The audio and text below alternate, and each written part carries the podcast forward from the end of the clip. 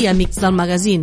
Tornem un dissabte més amb vosaltres, amb la convicció de que aquest espai de ràdio segueixi sent l'altaveu de la gent de Cabrera. Tenim les portes obertes perquè diguis la teva, per escoltar les propostes artístiques, les propostes comercials, els projectes socials i culturals. Complint amb la nostra programació establerta, avui tanquem la segona roda de participació política. Espai on els caps de llista dels partits amb representació a l'Ajuntament del nostre poble ens expliquen el seu treball en el consistori, tant els que estan en el govern com els que no. La participació és de menor a major segons el número de vots obtinguts a les eleccions passades. Avui, a la roda de participació política, és el torn de Jordi Mir, de Junts per Catalunya, i alcalde de Cabrera de Mar. A la roda de participació actua com a anfitrió el periodista Albert Calls. També escoltarem la columna del nostre company Josep Dalmau, a la gent del TAC que havia a la ràdio per explicar-nos el programa de celebració dels 25 anys de l'entitat i l'obra que representaran, l'Hostal de la Glòria. Comencem!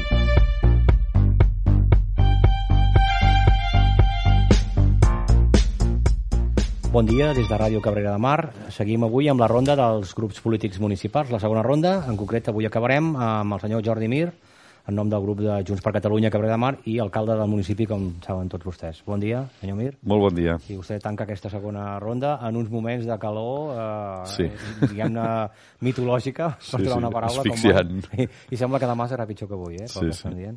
Doncs, si sembla bé, comencem amb el, amb el, amb el tema d'incorporacions noves laborals a l'Ajuntament i una mica l'estructura administrativa, que la gent potser no ho visibilitza i és molt important. Sí, eh, per sort, en aquest mes de juliol se'ns han incorporat dues figures molt importants. Uh, una és la figura del tècnic, que en aquest cas és tècnica, d'administració general, que ve a suplir l'advocat municipal que va marxar ara fa un any, i se'ns ha incorporat un enginyer que fa que per primera vegada tinguem coberta la plaça d'enginyer de municipal mm, durant tota la jornada completa setmanal. Fins ara havíem tingut una persona a mitja jornada durant molts, molts anys i els dos darrers anys teníem una persona contractada a través d'una empresa externa que venia dues tardes. A partir d'ara doncs, tenim ja eh, des d'aquesta vessant doncs, els serveis tècnics més, més complets i això ens permetrà abordar tots els temes a més ritme i abordar altres temes que fins ara doncs, sabent que s'havien d'abordar doncs, no teníem els recursos per fer-ho. Això és important pel, pel funcionament de, de l'Ajuntament perquè, aviam, no hem d'oblidar que els ajuntaments estem limitats pel que fa a la contractació de recursos, a l'hora de substituir eh, persones que jubilen o de més, doncs tots els processos són molt llargs, un procés de selecció d'una persona mm, per tal de fer-ho bé, evitar impugnacions dels col·legis professionals, etc. doncs ho has de fer eh, amb temps i, i bueno, estem parlant de que, ha transcorregut un any fins que no hem aconseguit incorporar aquesta figura que substitueix a l'advocat municipal i, clar, eh, com dic, els recursos són limitats i això fa que els ajuntaments doncs, tinguin molts, molts problemes a, a l'hora d'avançar.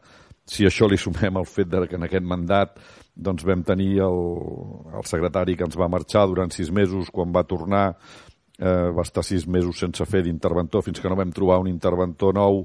Per tant, mm, ara repassant una miqueta, eh, ens donem compte que en aquest mandat, exceptuant els primers eh, sis mesos fins que va començar la pandèmia, pràcticament no hi ha hagut mm, estabilitat sí. pel que fa a, a la plantilla. No?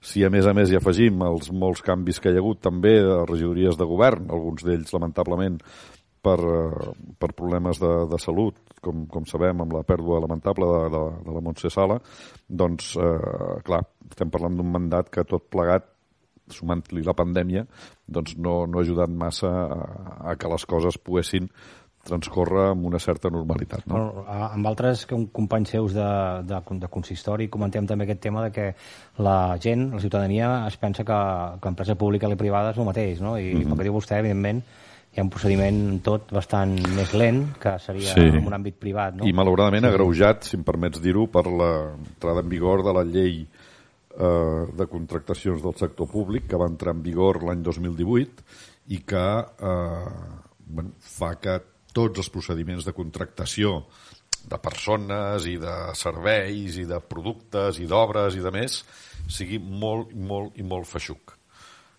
això fa que s'alenteixi tot i abans quan prenies una decisió fins que aquella decisió s'executava podien passar una setmana, ara és impensable. Això, Si qualsevol, permeten, sí. qualsevol mm, tonteria, eh? dius, ostres, haurien de posar un element infantil en aquest parc. Bueno, això que abans es feia d'una setmana per l'altra, ara amb prou feina ho fas en dos mesos, no? Si Seguint em tots permet, els perquè vostè ho ha viscut, també hi ha una certa judicialització de la, Clar. de la política, és a dir, que en sobre allò ja molt, busquem a veure què trobem i si no ja veurem, no? I Clar, permet, tots, eh? els- tots Els els tècnics dies, i tots els que- polítics doncs, estan, van amb, bueno, amb, amb la lupa posada per mirar de, de que tot estigui bé abans de signar qualsevol cosa. Ens hem passat d'un extrem a l'altre. Som un país que ho, ho fem molt, això, no? d'anar d'un extrem a l'altre, i jo crec que ens hem passat de llarg en aquest cas, sincerament, perquè eh, tot això obstaculitza l'acció dels governs locals, que són executius. Vull dir, els ajuntaments són executius, estem per fer coses. Si la llei és tan, tan feixuga que t'impedeix fer coses, mm, per què serveixen llavors els ajuntaments? No? I això és un tema que s'hauria de, de repensar perquè patirem com a societat les conseqüències en els propers anys segur. Perfecte, canviem doncs de tema i un, un tema que també ve arrossegant-se de fa molts anys i per tant no, no se li pot atribuir a- al seu mandat, a cap dels seus mandats, que però ja venia darrere i tot, que és el tema dels assentaments il·legals, però ja era recurrent, és a dir, el, els espais agrícoles que hi ha un altre tipus d'usos, no?, Sí. d'activitats, i que ara vostès fa poc han anunciat que reemprenen el tema, no?, amb una certa Ah, exacte, sí. contundència i Clar, actualitat. Eh, això és un, una qüestió que, que costa d'entendre. Eh? Jo entenc que, que la ciutadania molts cops pensi, home, però si això, si, si l'Ajuntament veu que estan cometent una infracció, com és que no ho impedeixen? Bueno, primer, eh, els procediments legals són, són complexes. Un no pot intervenir en una propietat privada a la brava. Eh? O sigui, per posar un exemple, eh? a casa de nostra, la policia no pot entrar a no ser que el propietari el deixi entrar o que hi hagi un ordre judicial o Supòsit de delicte que hi hagi... No, no, immediat, supòsit immediat, sí, evident, immediat, eh, que, matar el marit va sí, matar sí, la sí, dona sí, sí, i llavors, bueno, impedeix la policia que li clavi el ganivet, d'acord, sí, en aquests casos, però no pots actuar preventivament, ni pots actuar perquè m'han dit, s'ha de seguir tot un procediment, s'ha de fer unes inspeccions, s'ha d'aixecar un acte, s'ha de fer un requeriment, etc etc. I tot això té els seus terminis i s'ha de documentar molt, molt bé. Perquè, a més, ja tenim exemples de- d'activitats eh, tancades, entre cometes, a la brava, que després van portar conseqüències legals importants per l'Ajuntament, que no econòmiques en cap cas, però sí legals, eh, en el seu cas. I, clar, per tant, les coses s'han de fer bé. Nosaltres tenim detectat eh, quines són les, eh, els sectors on s'estan cometent, en aquest cas a la zona agrícola, activitats eh, d'usos que no estan permesos i, per tant, són infraccions urbanístiques.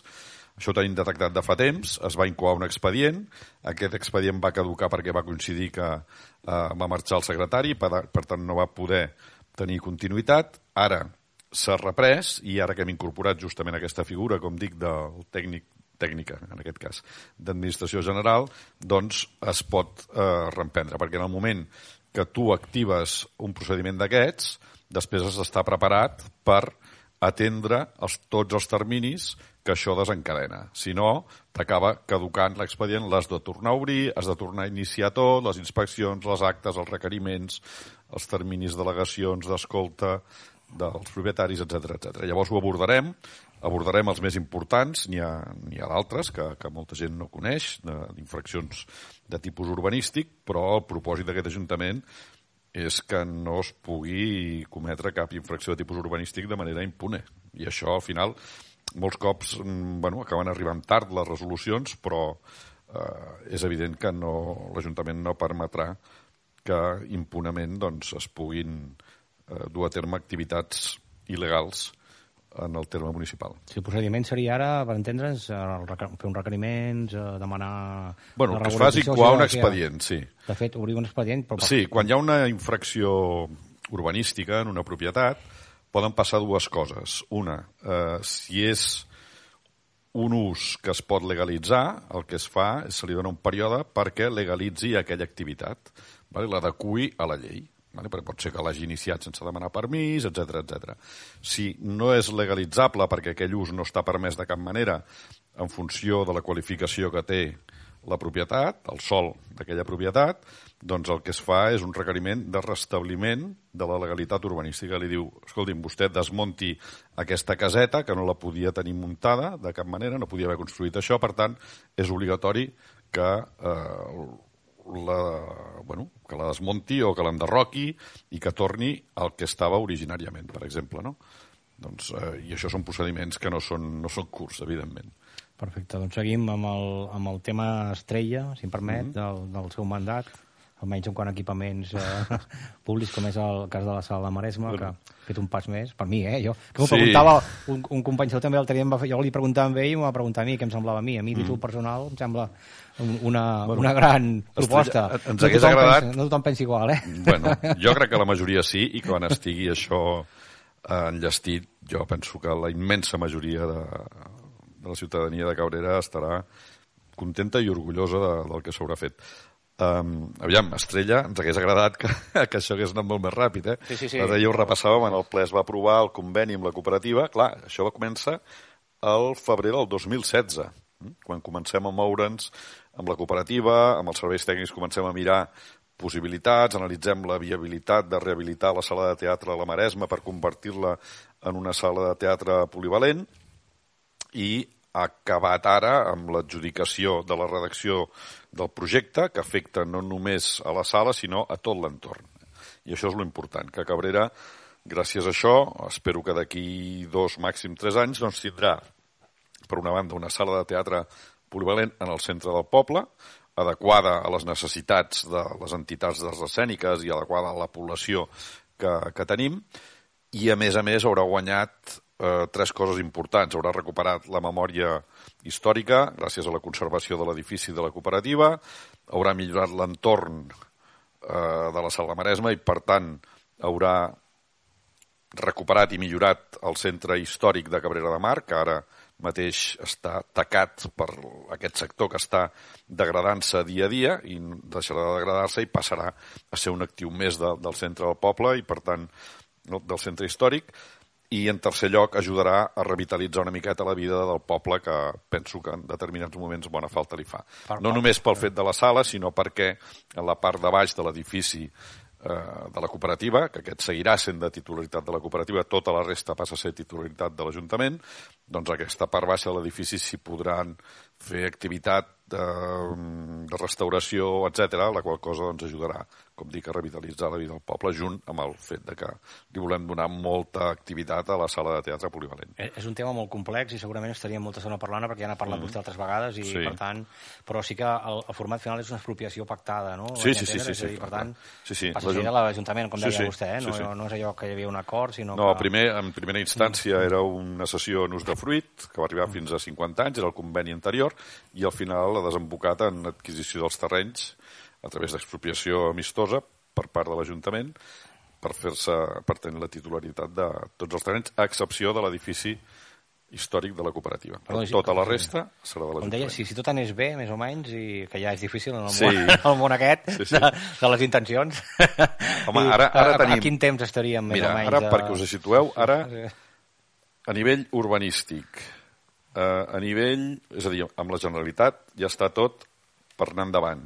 Amb la cooperativa ja està tot enllestit per anar endavant, no cal fer res més. Ara el que falta és el projecte en si.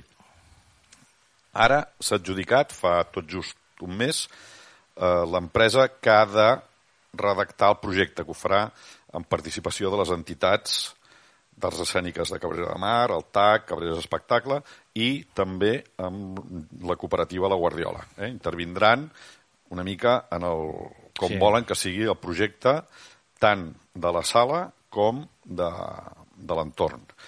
Això ja està adjudicat a l'empresa, es van presentar un total de 23 clar, estem parlant fa un any, es van presentar, es va convocar fa un any i ara s'ha adjudicat tot just fa un mes, perquè és que tot és molt, molt lent, perquè la Constitució del Tribunal que ha de valorar els projectes ha costat moltíssim, s'ha de donar un temps perquè presentin eh, un cop fas la convocatòria, doncs dius, doncs teniu tres mesos per presentar idees, es va fer una preselecció d'idees i d'aquestes van seleccionar tres que han presentat el que és l'avantprojecte, per entendre'ns. Val? Ja sabem més o menys com anirà, ara falta redactar el projecte executiu. Uh, se'ls donaran tres mesos per redactar aquest projecte executiu.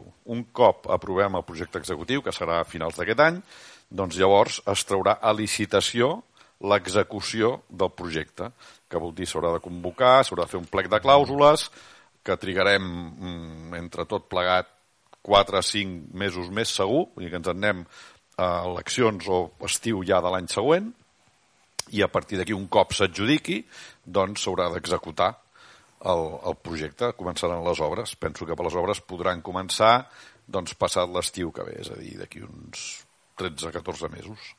Val? Sí, sí. Bueno, Esperem i pot durar un any, les obres. Per tant, vostè, no? Que, ens anem al 2024 segur. que és una cosa lenta i tal, però Sí, sí. també és veritat que aquest és un És projecte ambiciós i... Sí, I que de- jo penso que serà una gran, gran millora per, per Cabrera de Mar. Doncs vinga, esperem a veure-ho, que, que I clar, que tot això buscant Sí, sí. finançament que tingui el menor cost possible per Cabrera. De moment tenim ajuts importants. L'expropiació la fem amb romanent de tresoreria, que són estalvis generats per l'Ajuntament en els darrers anys, i amb una subvenció important de la Diputació de Barcelona de 353.000 euros. De moment, i estem buscant finançament per després l'execució de l'obra a través dels fons Next Generation. I el cost de l'Ajuntament orientatiu, bueno, no, pot més o menys... El cost, No, el, el, el total del, Sí, el total, clar, sense- de tot, eh? sí, sí, de, sí, de, sí, sí. la sala de teatre, més la millora de l'entorn, la connexió amb, entre la plaça Camp Pau Ferrer amb el carrer Sant Clavé, que això és una millora important. Tot això, entre 2 milions i 2 milions 200, estimem que, que serà el cost final. Val? Dels, esperem que la gran majoria sigui amb ajuts o dels fons europeus Next Generation, de la Diputació, evidentment, ja en tindrem, i més que en tindrem, i amb estalvis. Vull dir que esperem que mm, no haguem de, de demanar cap préstec ni res en principi per, per finançar tot el, tota aquesta obra. Estem a pocs dies de la festa major d'estiu, que és la, la gran celebració mm. del municipi, un cop a l'any, i ve una mica ja, escoltàvem l'altre dia el regidor Sergi Teodoro que ens explicava, uh -huh. una mica com veu vostè també aquesta festa major, no? A, a, a més, en un moment en què venim de pandèmia, Sí, de, sí, altres sí. formats, eh?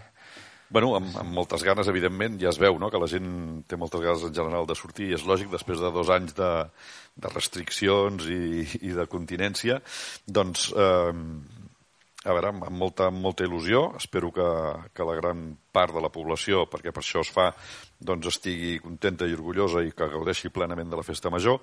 Jo penso que en els darrers anys s'havia fet un salt qualitatiu molt, molt important des de diferents punts de vista.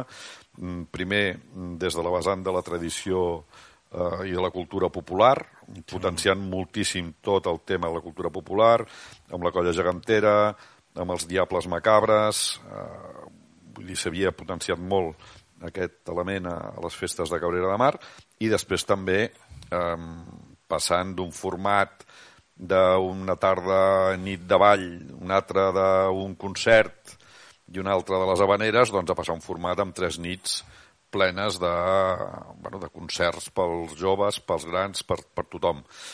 I això és una manera de, de, de potenciar també la, la cultura del, del nostre país, sempre amb grups locals, amb grups catalans, i aquest any no serà menys, i penso que re, retornem al format que havíem implantat a partir de l'any 2017-2018 i que va ser un gran èxit el 2019. Jo, per mi, eh, una de les imatges amb les que em quedo del, dels anys que he estat a l'Ajuntament és el, la nit que eh, de l'emplaçat, que baixen de l'església els gegants i entren a la plaça de la fàbrica, una plaça a rebentar de gent en el concert de Doctor Prats. Allò per mi m'emociono només de d'explicar-ho perquè és una imatge que, a part de que ho tinc gravat i fotografiat, doncs que, que no, no me la podré treure del cap, vull dir, és un moment molt emocionant que espero que es pugui repetir molts anys, no? Perquè l'emplaçat és un, un acte que vam crear i que ha costat d'implantar però que a poc a poc va, va reformant-se i que espero que sigui un acte doncs, celebrat durant molts, molts anys i que sigui el pilar central de les festes de Cabrera. L'escenari central que serà a darrere Cal Conde. Sí, on estava Ah, l'embalat, per entendre'ns, l'embalat ja no hi és, Va, va, i va, va, que, que llavors no, no tot l'espai aquest, que clar, un cop treus l'embalat et dones compte de lo gran que és, I tant, i tant. clar, és, és enorme, i allà se celebraran tots els concerts i tots els... Però a l'àmbit de la fàbrica també, Sí, també a eh, de Can fàbrica. Rodon entenc que és Sí. el seu del Cabrés Espectacle Sí, sí. i al Pla de Vallà també hi ha alguns Ah, actes exacte, allà. sí. i el format de festa, diguem que si ho podem interpretar així eh, el, el tema del festival el deixaríem una mica al costat Mm. del festival musical i es recuperaria una mica el, format més de festa major Ah, exacte. en tots els sentits Sí. d'acord, doncs eh, això aprofitem per dir a tothom que, que hi participi aquesta festa, que queden pocs dies i que Esperem que no faci la calor que fa ara, però Exacte. també que faci un temps que permeti que gaudim plenament. I també la situació sanitària eh, ens, ens ho permeti del tot, perquè... Sí, bueno, això ja hi compto, eh? Amb una prudència, sí, però, però teòricament ja anem... Amb molta prudència, eh? Bueno, sí, no, no, vostè ja ho diu, eh? Sempre, ja ho diu, eh? No, sí, sí. Però em sembla que la cosa... I, miri, i aprofito per fer-li el rebot. Tenen dades que tinguin de la situació sanitària en tema Covid últimes? És que ara a nivell local ja no n'hi ha. Ja no n'hi ja no, ja no, no, sí, sí. Ja no, no es donen dades i jo el que sé és perquè ho sento en els mitjans de comunicació, el doctor Gimón l'altre dia, el conseller de Salut Pública, va dir que anàvem ja teòricament de, de baixada de la setena onada. Sí, sí, sí. Que esperem que, bueno, que es consolidi aquesta baixada. Esperem-ho perquè és una informació sí. que no acabem d'entendre la majoria, crec que vostè també deu passar, sí, perquè sí. va canviant això molt ràpidament. Jo va haver un moment ja que vaig tirar la tovallola a l'hora de, de dominar les dades, perquè dic, no, canvio ja. Temps d'estiu, temps de platja. La platja és el, en aquests moments l'espai mediambiental més, mm. més ple, diguem, visitat mm. i, i que triomfa, no? Vull dir, sí, sí. I, I, per tant, doncs, també els hi porta molta feina a vostès, l'Ajuntament de la Platja. Home, no deu ser conscient, no? Una mica sí. com a, aquest any com està el, el tema. Bueno, el tema de platja jo voldria abordar-lo des de dues vessants. Primer, d'aquest any, que hem renovat el pla d'usos pels propers quatre anys i que bueno, ha sigut un patiment perquè com la situació de la platja és inestable i regressiva, doncs la Generalitat ha trigat bastant en aprovar-nos el pla d'usos, després l'ha hagut de modificar i bueno, hem passat de les quatre guinguetes, els quatre xiringuitos que teníem instal·lats, només ens en permeten tenir dos. Jo espero que l'any que ve en puguem tenir tres, però de moment en tindrem dos, més la base nàutica, que s'instal·larà les properes setmanes, i que bueno, donarà un servei també doncs, de, pels surfistes i de més, bueno, permetrà que hi hagi, una, hi hagi activitat nàutica a Cabrera de Mar justament en el mateix emplaçament on abans hi havia el Club Nàutic de Cabrera. No? Um, bueno, estem contents de, de, de poder prestar els serveis que prestem, de socorrisme, de platja accessible per a persones amb mobilitat reduïda, que això vull remarcar-ho, que nosaltres vam ser pioners a Catalunya i que ho hem mantingut any a any. Això té un cost, però entenem que és un servei que donem a persones amb mobilitat reduïda i gent gran en general que vulgui doncs, estar a la platja, gaudir-ne i banyar-se de manera segura. Tenim dues línies de vida, que vol dir són aquestes cordes amb boies que et permeten entrar a l'aigua i, i banyar-te amb seguretat i sobretot que ajuden la gent gran a sortir perquè doncs... la nostra platja té un, una sortida amb una pendent molt considerable. I agraeixo que ho digui perquè l'altre dia discutíem a la platja perquè eren aquestes boies. Sí, això es diu... la passarel·la sí, eh? per les boies sí, no. no, no, les boies, sí, sí, sí. això són, es diu línia de vida i està pensat per la gent gran tant per poder-se subjectar en cas de que hi hagi onades o no sàpiguen nedar, es puguin banyar amb seguretat. Estan ubicades molt a prop, una just davant de de l'espai per a persones amb mobilitat reduïda i dels socorristes i l'altre a prop d'una cadira de socorristes també. I sempre molt a prop de les dutxes i de les passeres, per tal que no hagis de desplaçar. Clar, la gent gran eh, el que vol és a un dels accessos o a la Rambla dels Vinyals o eh, al torrent del Molí accedir ràpidament a la sorra. No et caminaran 200 metres per la sorra eh, per anar a la línia aquesta. Per tant, estar ubicades al punt més a prop des dels accessos a la platja. I serveixen per això, però també, com dic, per gent que vulgui sortir de l'aigua, que li pugui costar, és que costa bastant, eh? I si, això en bona mar, si a sobre hi ha mala mar, amb el pendent que hi ha, pot arribar a costar bastant sortir de l'aigua a la nostra platja, tal com està configurada ara. Això pel que fa a la situació d'aquest estiu, però sabíeu que estem treballant, com portem treballant des de fa 10 anys, per la solució a nivell comarcal. Ara ja, des de l'any passat, estem centrats només en la solució per Cabrera de Mar, tot i que el projecte que tenim afecta Cabrera i Vilassar. Estem treballant amb el Ministeri eh, per la Transició Ecològica i amb la Generalitat de Catalunya perquè els 4 milions que hem aconseguit eh, en els pressupostos generals de l'Estat a través d'una esmena en el Congrés doncs s'executin en aquests propers anys en el cas de Cabrera una part d'aquests 4 milions, que seria aproximadament la meitat, en la regeneració cada any de les nostres platges portant sorra amb camions des de la part nord, part de llevant, diguéssim, del port de Matarons, i acumula molta sorra, a través de la via que ara s'ha obert, eh, paral·lela a la via del tren, eh, el camí aquest que ara s'ha creat, doncs eh, que es puguin regenerar les platges. En lloc de fer-ho amb dragues i que l'any següent marxi més de la meitat, preferim que es vagi fent parcialment cada any fins que d'aquí quatre anys és quan està previst ja la solució, la implantació de la solució més duradora que eh, es farà amb una regeneració molt més àmplia de platja, amb transportament de, de sorra de, del fons marí de dunes que tenen detectades en el, el golf de Lleó i de més, de fa temps, i que eh, es consolidaran amb la implantació de dos espigons, que això permetrà que la sorra duri molt més, eh, que quan hi hagi un temporal no marxi, sinó que en lloc d'haver de regenerar la platja cada dos o tres anys, com passaria fins ara, doncs que sigui cada deu anys. Eh? Per això és una solució no definitiva, però sí més duradora que no pas el que teníem fins ara. Això arribarà d'aquí quatre anys, però mentrestant eh, hem negociat que s'apliquin solucions parcials. Aquest estiu no ha pogut ser, es van aprovar els pressupostos aquest any, sembla que va ser el gener-febrer, però sí que eh, ho estem treballant perquè de cara a l'estiu que ve doncs, pugui haver no tota la platja que teníem i tota la que tindrem i que volem tenir, sinó que pugui haver més platja que hi ha ara, que ara arriba tot just fins a la Riera de Cabrera i a la zona de Costa Mar i Bonamar, per exemple, doncs no hi ha res de sorra. Eh, volem que n'hi hagi un mínim, que ni que sigui 10 metres, fins a l'alçada de, on s'acaba Costa Mar, per entendre'ns. L'aparcament en el tram que queda ara aquest any, que és un, un tros i un tros no, mm. creu que resistirà els anys a venir? Ens hem d'anar mentalitzant que... Mira, saps de què depèn, una, Albert? Una eh? Això depèn de Renfe, ah, ja t'ho dic, clarament. No, o sigui, no és culpa seva, ni, sí. ni, no, no, no, no, no de culpa ni de no culpa, ni, no, no. Ni, ni té capacitat en un principi. No, per no tenim capacitat de regular nosaltres. Sí, sí, és uh, l'aparcament, que no és aparcament perquè no pot ser-ho, està en domini públic marítim terrestre, que és competència del Ministeri, ¿vale? és competència de l'Estat. L'Estat no deixa entrar vehicles a les platges. En aquest cas, com que aquest aparcament, entre cometes, serveix com a aparcament per usuaris de Renfe, doncs no es posen forts. Vale? O sigui, costes, per una banda, diria un ministeri, eh? el de transició ecològica diria, escolti'm, tregui'm els cotxes, però el Ministeri de, eh, de foment, el responsable de transport públic i de més, diu, esperi un moment que això Clar, perquè no hi, ha, no, no hi ha un aparcament com en altres municipis que tenen ah, un aparcament de Renfe al costat. Ah, exacte, això ho vam estudiar en el seu moment, eh, possibles solucions, i vam fer una primera reunió amb no sé quantes bandes, amb Vilassar, Ministeris, Renfe, Adif, Generalitat, tothom, i no va sortir d'allà cap conclusió i va quedar el tema aparcat.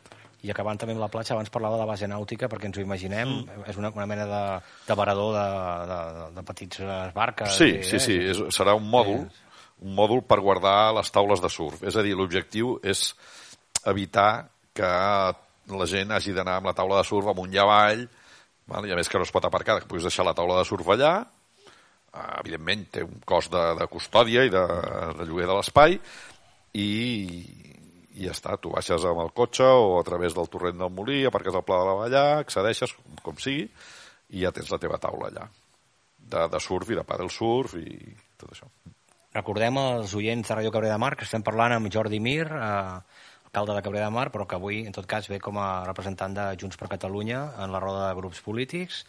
Uh, senyor Mir, ara anem a la carretera uh, N2, bueno, any també de canvis amb autopista sí, gratuïta i, i bé, el tema és la pacificació de l'N2, que també fa molts anys que estan allà, diguem, i ara pel que comentàvem vostè abans... Però això que... està avançant molt, la Generalitat aquí s'ha posat les piles i ara justament la setmana que ve tenim una altra reunió, de les ja n'hem tingut bastantes, eh? però és la primera reunió tècnica ja per, eh, bueno, per contrastar amb els ajuntaments l'inici de la redacció del projecte executiu. Fins ara s'havien marcat les grans línies, eh, com volem que sigui, de forma homogènia entre Montgat i Mataró, i ara ja comencem a entrar en el detall per redactar el projecte executiu, que esperem que un cop aprovat per part de la Generalitat doncs, pugui ja eh, tirar endavant en els propers anys. Jo espero que en dos, tres anys màxim doncs això ja sigui una realitat.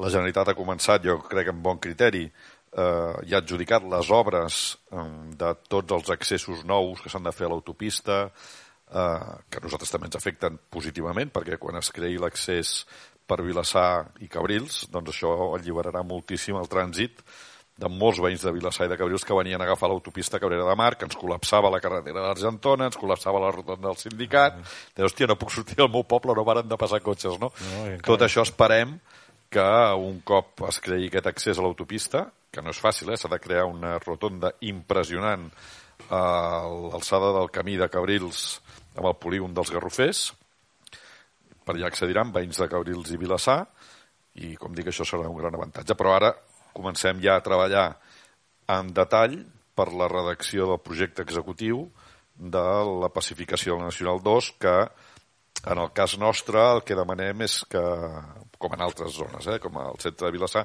allà on hi ha una estació de tren es crearan zones eh, que es diu de prioritat invertida, que vol dir que tenen prioritat els, els vianants respecte als vehicles. Per tant, els vehicles han d'anar a 10 per hora. Vull dir, es convertirà, la idea és convertir la Nacional 2 en un carrer més dels pobles. Això té molt sentit en el cas del Masnou, de Premià de Mar i Vilassar de Mar.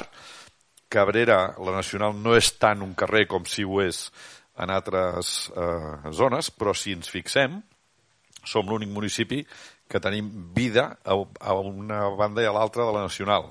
No tanta vida a la banda muntanya, perquè el Pla de la Vallà no és tan dens com és tot el poble de Premià de Mar, tot Vilassar de Mar o tot Masnou, però en canvi ells a l'altra banda no tenen res, només tenen l'estació i nosaltres sí que hi tenim tant habitatges com tenim comerços i tenim, bueno, altres, altres coses, no?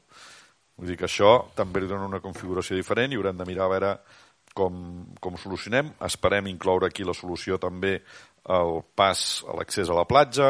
Esperem que, bueno, que, que puguem millorar tot el que és aquest sector i, evidentment, eh, preservant eh, l'accés al Pla de la Vallà i que això no, no perjudiqui per res els veïns del Pla de la Vallà. Lògicament no té per què, que és la gran preocupació que té l'associació de veïns, però no, al contrari, pensem que ha de ser un guany justament pel Pla de la Vallà que guanyarà un carrer més veient els municipis veïns de Cabrera, mm. hi ha tota una sèrie de canvis importants pel que fa a carrils bicis. Eh, sí. I em refereixo a, a Mataró, per exemple, sí, sí, evident, sí. i a Vilassar de Mar fa pocs dies també. Sí, sí, també. Sí, entenc que Cabrera no, d'entrada. Hi ha no, no, a la Nacional la, sí, a la Nacional sí que hi haurà sí. un carril bici que transcorrerà tota la Nacional, sí, i aquí cada poble decideix per on passa, banda mar, banda muntanya...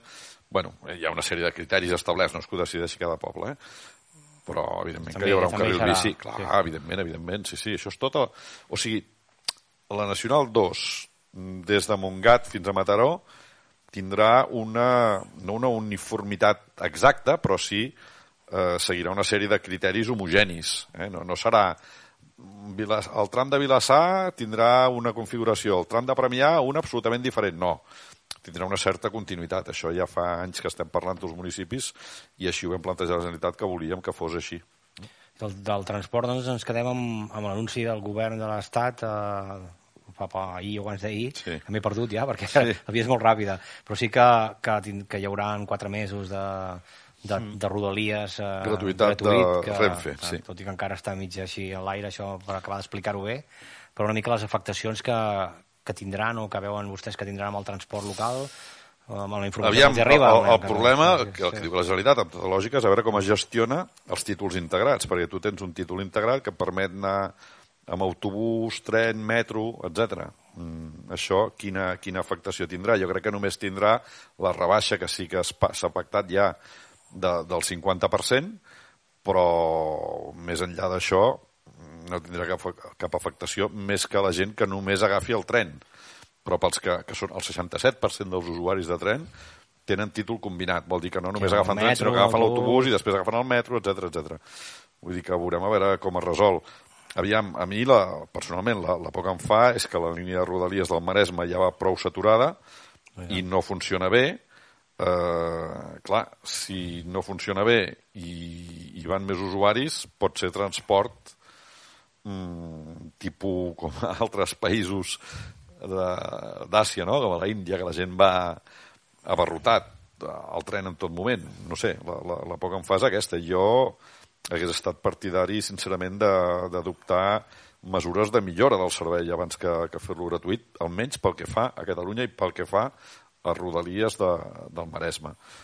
Altres mesures, com per exemple eh, els impostos a les empreses, especialment les energètiques, les trobo fantàstiques perquè estan tenint eh, uns beneficis eh, com diuen caiguts del cel, no? que no, no són deguts a la seva gestió. Per tant, és molt lògic que hi hagi un impost sobre aquests beneficis extraordinaris. No? Però la mesura de la gratuïtat del, del servei de tren sense que hi hagi hagut una millora prèvia o en paral·lel la trobo sincerament perillosa.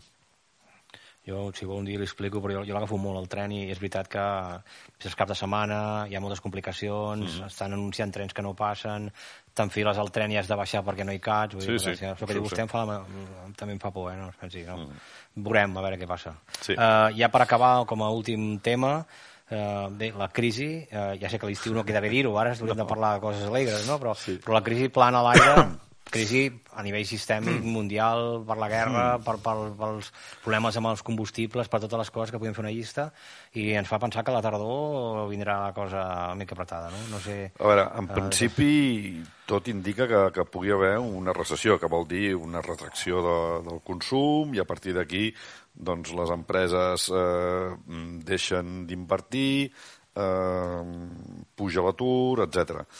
Tot dependrà de si eh, l'IPC, o sigui, l'inflació que s'ha disparat moltíssim per causa de, de la guerra d'Ucraïna sobretot, doncs és una situació circumstancial o temporal o ha vingut per, per quedar-se.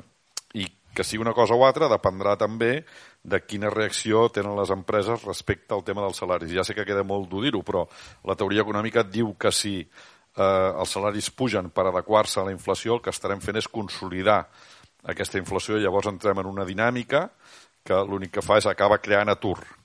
Val? Clar, eh, què vol dir? Que per evitar això els treballadors ens hem de quedar sense que se'ns equipari els salaris a l'increment que han tingut els preus eh, en aquest darrer any. És un sacrifici, però que millor és un sacrifici que, si es pot aconseguir, doncs eh, evitarà amb els majors. No? Jo, jo entenc que això és difícil, eh? I que t'hauria de certificar no un, ni dos, ni tres experts, sinó un comitè d'experts que donguessin les màximes garanties de que això serà així. Però bueno, és el que passa molts cops en l'economia, que hi ha La i molts micro. teòrics i després eh, ningú és capaç de, de defensar una postura concreta, no? Una Però social la lògica, la lògica econòmica viscuda fins ara diu que, que les coses han de ser d'aquesta manera. Esperem que, que no caiguem en una, en una crisi i que siguem capaços de, de superar aquest entrebanc amb, amb el màxim èxit possible, pel bé de tothom, clar. Perfecte, doncs moltes gràcies eh, per acompanyar-nos i vinga, doncs la propera vegada que ens tornem a veure. Gràcies. Molt bon estiu a tothom. Gràcies.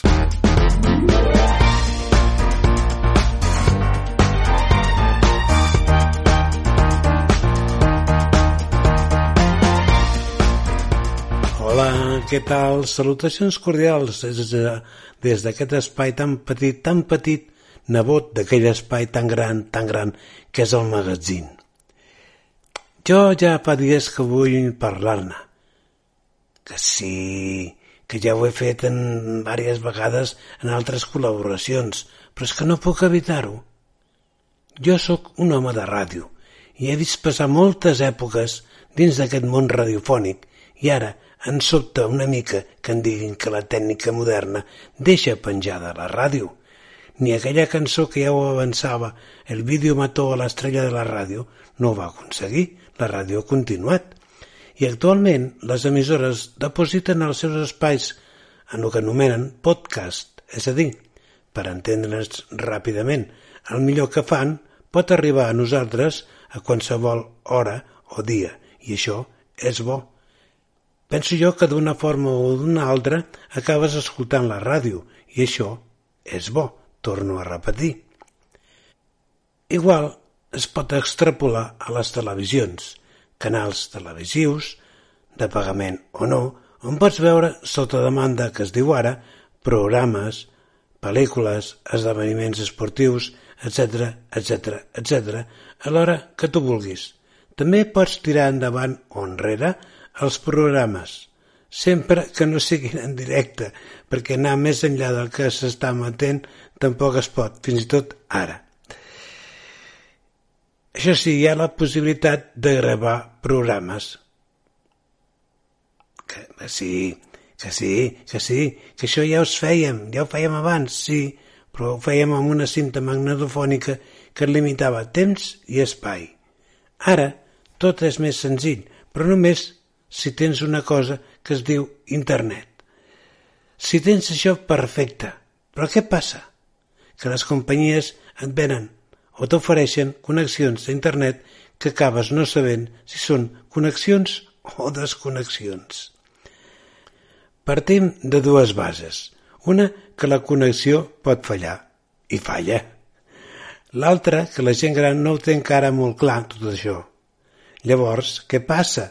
Doncs llavors és on entra la rodoneta que et surt al ben mig de la pantalla i la imatge se te'n va anant i tornant, si tens sort, i si no, se te'n va del tot, rodoneta inclosa, i s'ha acabat el futbol, la pel·li o sèrie que veies. I aquí no pots dir allò que dèiem els que tenim una edat, això és d'ells. Ara és teu i ben teu. Fins i tot mira on ha arribat la tècnica que han inventat com una serventa, una majordoma, posant-li veu i nom de dona, que en televisors adequats tu fas en veu alta la petició del que vols veure i ella t'ho posa. Bé, no sempre, perquè el meu net de 4 anys ja domina aquesta tècnica i li diu a la màquina Alexa, posa'm la patrulla canina, per exemple. Però el que ha pres més a dir és Alexa, aborta. És que de vegades la tècnica falla.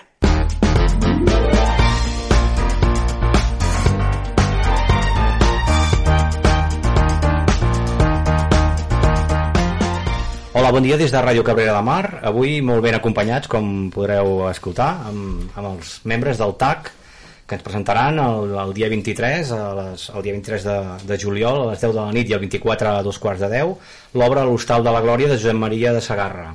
Tenim amb nosaltres, per no deixar-me en cap, després ja anirem parlant amb ells, la, la Roser Carbonell, el Toni Meca, la Laura Serrano, el Joan Camps i la Txell Llisterri. I ens explicaran doncs, una mica, eh, en primer lloc, aquests 25 anys del TAC, i també una mica tot el, el treball de l'obra i de què va l'obra i, i una mica la tasca que han fet els actors i les actrius. Roser, comencem per tu com a directora i era preguntar-te aquests 25 anys del, del TAC, una mica és el context no? també, abans d'entrar en l'obra Hola, bon com, dia com, com el t'enfoqueu eh? sí, sí. Sí, sí, eh, aquest any fa 25 anys que el grup de teatre es diu TAC, de totes maneres també val a dir que el grup de teatre Cabrera mm, porta més anys, el que passa que encara no s'havia batejat com TAC va començar amb el Papito de Can Rodon després amb en Jaumet, l'escultor i això potser doncs, era 10 anys enrere de, abans de que es digués TAC.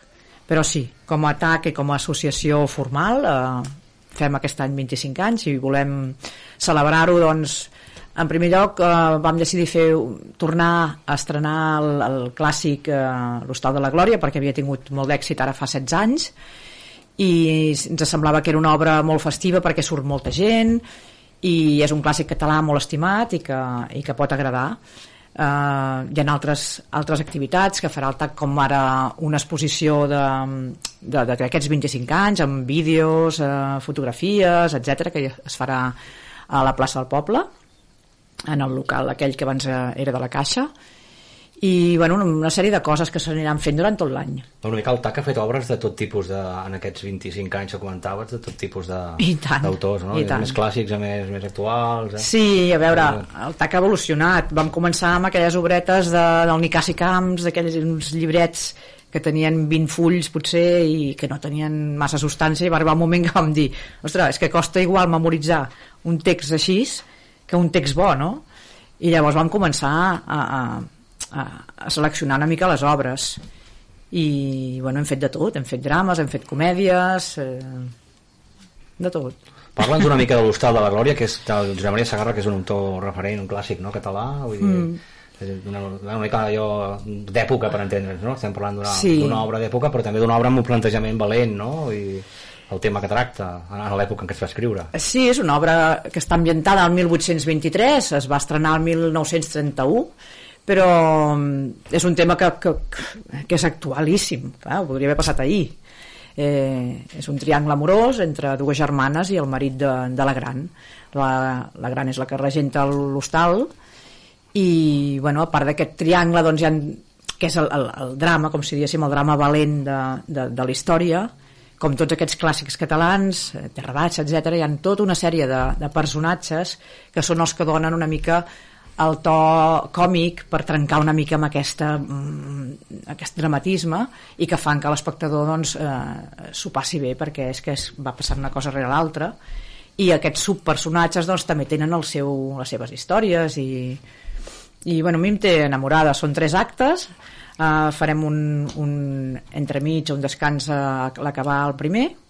I llavors són dos una miqueta més curtets i bueno, jo crec que, que heu de venir perquè ens hem esforçat moltíssim els actors han tingut una feinada per endavant sobretot la, la Glòria que en aquest cas és la Laura Serrano que té molt, molt, moltíssim paper i, i és un mèrit eh, estudiar tot això treballant és que clar, no s'ha d'oblidar que no som professionals no? Quants mesos fa que esteu batallant amb uh, Laura? Doncs em sembla que fa uns 5 mesos és que sí. la gent sabia que se'ns fa dos dies. Sí, primer vam estar doncs, dos dies a la setmana, eh, ara ja portem un temps ja fent tres dies, i, però bueno, la gent ha estudiat i en general molt conscienciats i, i jo crec que hem anat molt a la una i jo estic encantada, encantada. Per això crec que, que, que, heu, que heu de venir, Cabrera, perquè us ho passareu bé i de passada necessitem també el, el, el vostre suport i, i el vostre escalf.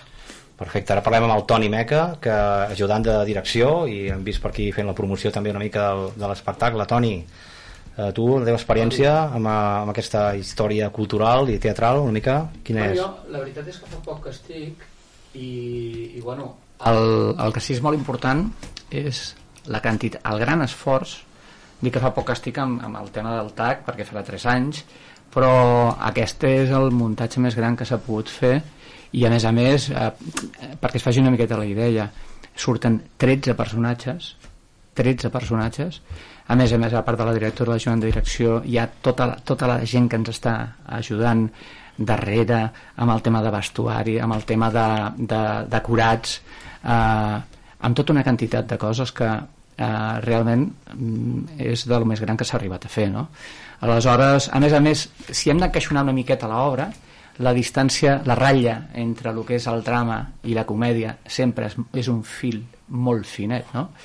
I, i és una comèdia, drama, drama, comèdia, que, que té de tot una mica i que penso que el poble de Cabrera estarà orgullós i qui més té que parlar de tot això jo penso que són els actors i les arribarem, actrius arribarem, l'obra és en vers eh? és en vers, eh? sí, sí, sí. sí l'obra és en vers i a més a més està molt bé perquè la gent quan es diu que l'obra és en vers eh, s'espanta una mica i diu mm, ja, és, per, és per gent antiga és per gent... no, no, no, tot el contrari s'entenen molt bé. Les paraules és senzill, és, és, és fresc està, mm, hi ha petites paraules de vocabulari que eh, segurament a lo millor són una miqueta més complicades però que les tindran com a sorpresa a l'entrar. Eh, tenim tota una logística de cara a aquesta obra que penso que serà la primera vegada que sorprendrà per la quantitat de petits detalls petits detalls que són grans després, no? Perquè a més a més a l'hostal es converteix en tot el plató de butaques que es converteix tot serà un hostal amb el que el públic se sentarà quasi bé tocant en els actors i actrius i, i això és molt important vull dir, esperem que la gent se senti arropada i que vegi coses diferents no? ja per acabar amb tu Toni i la Montse ara passarà a parlar amb les actrius i, i, i l'actor uh, per comprar entrades a tot el tema la gent que vulgui doncs, venir a les dues representacions que comentàvem de l'obra Sí, les entrades eh, sí. es poden comprar a través de Gaudeix Cabrera Uh, però al mateix temps nosaltres estem intentant fent promoció amb enllaços directes per les entrades. Penseu una cosa de que uh, hi ha molts espectacles, ve la festa major i la gent ha d'entrar, si entra a Gaudeix Cabrera han d'entrar. A clicar on te posa festa major i tal com cliquin a on te posa festa major sortirà el nostre link que són dos dies, el dia 23 i el dia 24, diumenge dissabte i diumenge, el dissabte a les 10 del, del vespre i el diumenge a les 9 i mitja del vespre. Per tant, i després també la gent que vulgui a taquilla poden vindre i, i, i comprar. Una cosa, tots els que vinguin a més a més tindran una copa de cava i alguna coseta per celebrar el 25è aniversari. Molt bé, molt bé, perfecte Laura, en aquest cas, eh, tu, tu com ho has fet per preparar-te al paper de Glòria? Perquè, com ha dit la, abans, i, i era, és un, complicat el paper. Com ho has fet? Com... Sincerament... Sí, clar. és que m'ha costat tant, eh, m'ha costat moltíssim, perquè no, és la primera vegada que faig una obra en vers. I jo est- estava molt acostumada a una certa tècnica per aprendre'm els papers i jo, a mi em costa molt aprendre'm els textos jo els aprenc a, a base de moviment i aquest a més a més té l'inconvenient que l'has d'aprendre al peu de la lletra. No pots dir, mira, aquesta frase no em surt bé la canvio i la dic d'una altra manera. M'ha costat molt, molt, molt. Ells en són testimonis. Jo crec que ara ja el tinc. Si, si aquestes alçades no el tingués. No, ara ja el tinc, però m'ha costat molt molt, i, i molt d'esforç i molt de, de llegir-me'l i de vegades encara ara m'entrebanco en algun moment o, o quedo en blanc en algun moment i penso, punyeta, com pot ser que encara que m'estigui costant tant Clar, perquè la, la Glòria realment... Explica'ns una miqueta què, quin és el paper de la Glòria, que deu ser el, el màxim, evidentment, no? Perquè... Sí, bueno, la Glòria és la mestressa de l'hostal. Ella està casada, un cert dia decideix portar la germana a casa i a la germana li fa gràcia al marit i al marit li fa gràcia a la germana. I aquí comença una història una mica... Ella d'entrada és, una, doi, és una, una dona molt, molt alegre, molt, molt viva, molt activa, molt... A mesura que va passant l'obra es va com, com apagant una mica. Ella va veient coses que no, que no li quadren gaire. Però bueno, Bueno, no ho expliquis tot, no, perquè per això, dic, no, vindran a veure per això et dic, però bueno, perquè no, no, no explicaré el final. Però... Clar, i Txell, tu fas de, de Gertrudis? Hola, sí, jo sóc la minyona.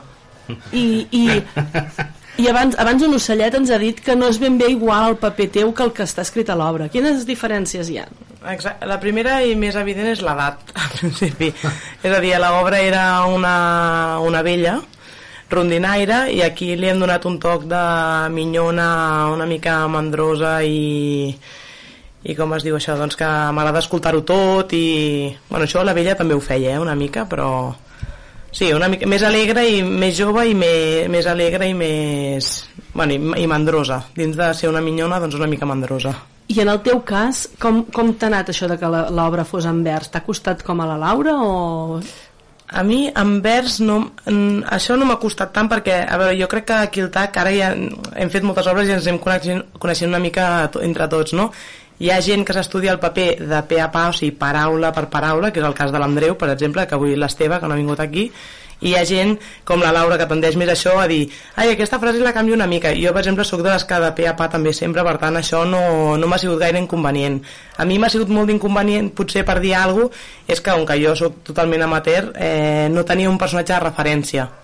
És a dir, l'ha hagut de crear la Roser no? I, i això pues, és un repte més gran perquè no podia dir, ai, miro alguna versió que hagin fet a algun lloc i, i més o menys veig com era la vella, no, és que és diferent, és que ni l'he mirat perquè encara m'hagués viciat. Clar, i el, el representar una obra que, que està feta amb, amb, amb un context de, de, de molts anys enrere, realment això us ha costat? O com deia la Roser, és tan actual que no costa? No, a, a veure, a mi m'agrada molt, eh, perquè m'agrada transportar-me a altres èpoques, m'encanta i, el, i, i el, la vestimenta, tot això, per exemple, jugar amb els davantals, ara hem fet algunes d'època i realment ja dius, ai sí, que quan estic fent alguna cosa el davantal pot anar lligat a dalt perquè no s'embrutés, quan venen visites el davantal a fora perquè estigui blanc. Eh, Bueno, és divertit, jo ho trobo divertit això. I en, en Joan Camps, que fa de jutge, sí. què, què, què hi pinta el jutge en tota aquesta obra? Ja hi pinta, ja. El jutge arriba a Ripoll en plan act, eh, altiu, és com, es presenta com una mena de comissari polític, eh? ve a perseguir qui sigui, a forgar tots els caus i a fer complir la llei, però es troba davant de la glòria, la qual l'entabana, eh? i el seu posat al, al, el tio va canviant, va canviant d'actitud i acaba d'una manera completament diferent. Que tampoc explicarem perquè l'hem de venir a veure. explicarem. I um, uh, el, voleu comentar alguna altra cosa més que diguis, mira, no m'has preguntat això i sí o sí ho hem de dir-ho? Sí, jo volia dir només el tema aquest, que és que com que hem fet molt èmfasis en que està en vers, l'obra escrita en vers, que no tiri enrere ningú, perquè no, no escoltaran el vers que es poden imaginar mm, cantat d'aquells versos que fan la canalla con per Nadal, no? O sigui, hem treballat molt la dicció del vers, de manera que la persona que escolta els diàlegs pràcticament eh, potser els dos o tres primers minuts notarà que és en vers, però després ja estarà immersa en els diàlegs i no té per què ni notar pràcticament el vers. En tot cas notarà una mica la musicalitat, que és, que és maco això, no? però que li passarà com un diàleg normal escrit en, eh, en prosa Uh -huh. Només, només sí. això, perquè quan que hem dit tant del vers dic, eh, es pensant aquí que és un rotllo allà en vers i no, i no.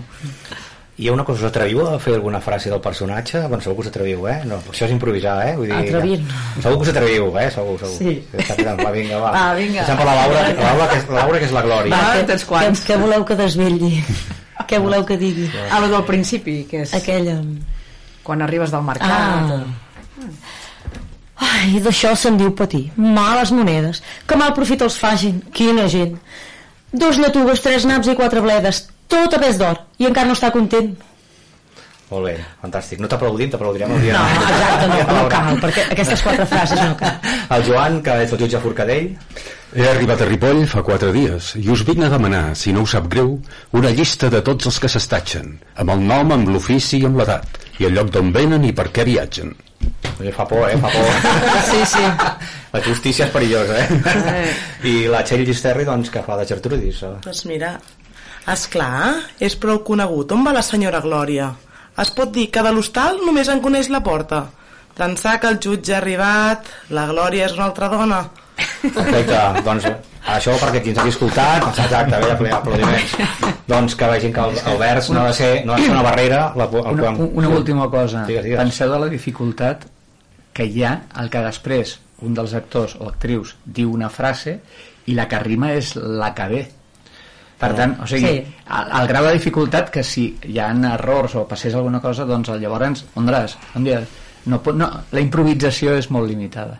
Per tant, animem a tothom que vingui perquè és l'obra, eh, eh, és un clàssic i a més a més la direcció ha estat fenomenal perquè el crear un personatge nou més divertit, el crear altres, altres moviments, jo penso que eh, el poble de Cabrera haurà de sortir, sortirà orgullós i, i celebrarem I el precisament 25 perquè és un clàssic, perquè és un clàssic, doncs es manté vigent eh, l'obra aquesta, malgrat ser una obra d'època.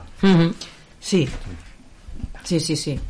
Doncs això, eh, recordar als nostres oients que, que a part d'aquests 25 anys del TAC, que és una data de referència, és a dir, arribar a 25 anys a fent activitats doncs, escèniques és tot un, tot un repte i tot un resultat i que l'obra de l'Hostal de la Glòria la, la podreu, qui vulgui la podrà venir a veure el dia 23 i 24 de juliol que ara s'ha de comprar entrades, que s'ha d'omplir que es quedi tot ple i que a més a més en faltin i s'hagi de representar Exacte, que vingueu tots. I volem agrair també a l'Ajuntament i a Gixa doncs, l'ajut que sempre hem tingut i que sense, sense aquests ajuts no podríem, no podríem fer teatre a Ràdio Cabrera, No, Ràdio Ros- Argentona... Roser, perdona que et talli, perquè hem dit els dies, les hores, Sí. però no hem dit el lloc. Ah, Ah, I a part el lloc és molt xulo. ah, és veritat, és veritat. Són aquí els jardins de Can Bartomeu, que això al vespre s'està fenomenal. Estareu molt bé, si algú en un moment donat es vol aixecar, doncs l'estar també en un lloc obert ho té tot més fàcil, i vaja, que passareu una bona nit i, i bueno, si, qui vulgui repetir el diumenge em passarà dues de bones nits. Perfecte, doncs moltes gràcies per acompanyar-nos i allò que diuen que vagi molt bé amb molta merda, no? Gràcies. Gràcies.